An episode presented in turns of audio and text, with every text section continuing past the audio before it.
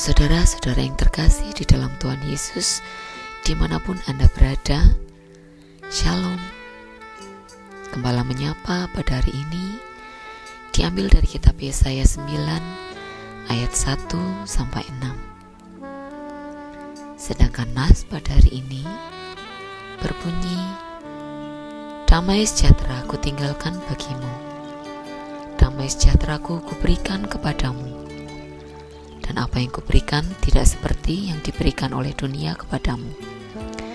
Yohanes 14 ayat 27 Sedangkan bacaan pada hari ini diberi judul Damai Sejahtera. Nabi Yesaya dengan jelas mengatakan bahwa damai sejahtera itu dimulai dengan kelahiran seorang anak seorang putra yang namanya disebut orang penasehat ajaib, Allah yang perkasa, Bapa yang kekal, Raja damai. Jadi, damai itu dimulai dan dihadirkan oleh Allah melalui pribadi Yesus yang nyata di bumi. Ketika saudara dan saya mengalami situasi yang suram, terhimpit, direndahkan, dan ada dalam masa-masa kegelapan yang besar, akan ada seseorang penasehat ajaib, konselor yang maha mengerti pergumulan kita. Allah yang perkasa, yang bisa menolong kita, memberi kekuatan.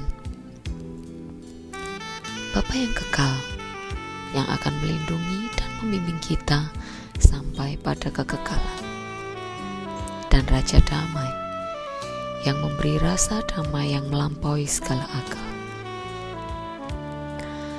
Sehingga akan ada terang besar, ada sorak-sorai dan sukacita yang besar.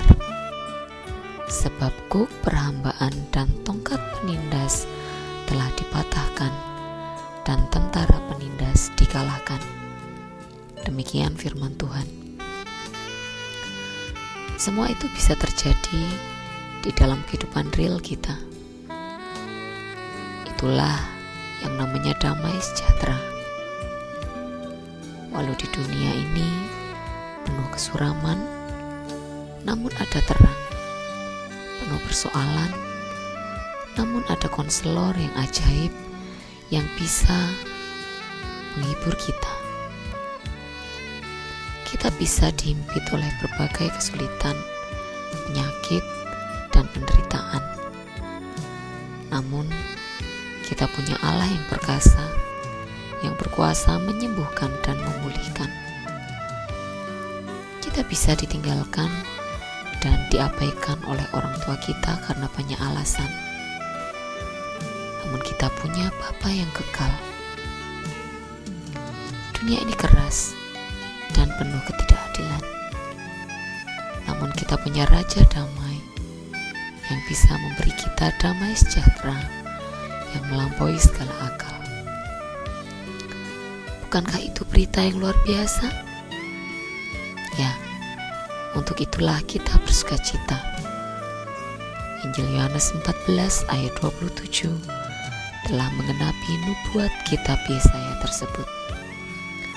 Tuhan memberkati. Amin.